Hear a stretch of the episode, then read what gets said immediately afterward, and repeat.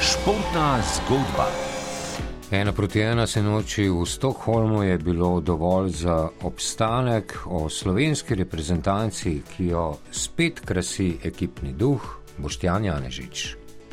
Slovenija gre naprej oziroma ne obstala je v Beligi narodov. Tretji neodločen rezultat ob zmagi in dveh porazih je bil sinoči v Stokholmu dovolj, da so naši ujezili Švede, ki so izpadli v Ligo C. V A so napredovali Srbi, ki so zmagali na Norveškem. V Stokholmu je izjemen Eurogol z volejem dosegel Benjamin Šeško.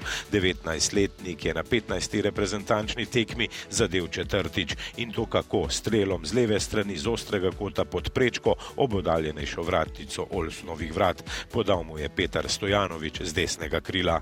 Slovenci so postali kolektiv, skupaj v dobrem in v slabem oziroma v obrambi, ko so trpeli in trpeli sinoči v drugi polčas.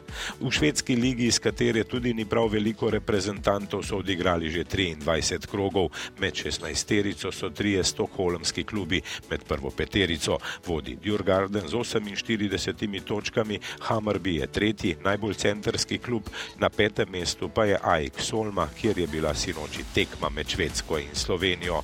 Z AIK Solna je zbral 40 točk, ima pa največ 91 prvoligaških sezon od 96. Za Djurgarden je igral Andrej Komac, za AIK Mladen Rudonja, za Hammerby pa Aljoša Matko. Najtrofejnejši švedski klub je Malme s 25 naslovi državnega prvaka. Trenutno je na četrtem mestu koledarskega ligaškega tekmovanja na severu Evrope. Švedi zelo pogrešajo Zlatana Ibrahimoviča in Aleksandra Izaka, tudi Ljundberga in druge, ki so Švedsko v zadnjih oziroma prejšnjih letih držali zelo visoko v evropskem in v svetovnem nogometu. Zdaj in v prihodnje naj bi bila rešitelja te skandinavske reprezentance Leipzigov Forsberg in Totnemov Kuluševski. Forsberg je sinoči zadev za Jalovih 1-1.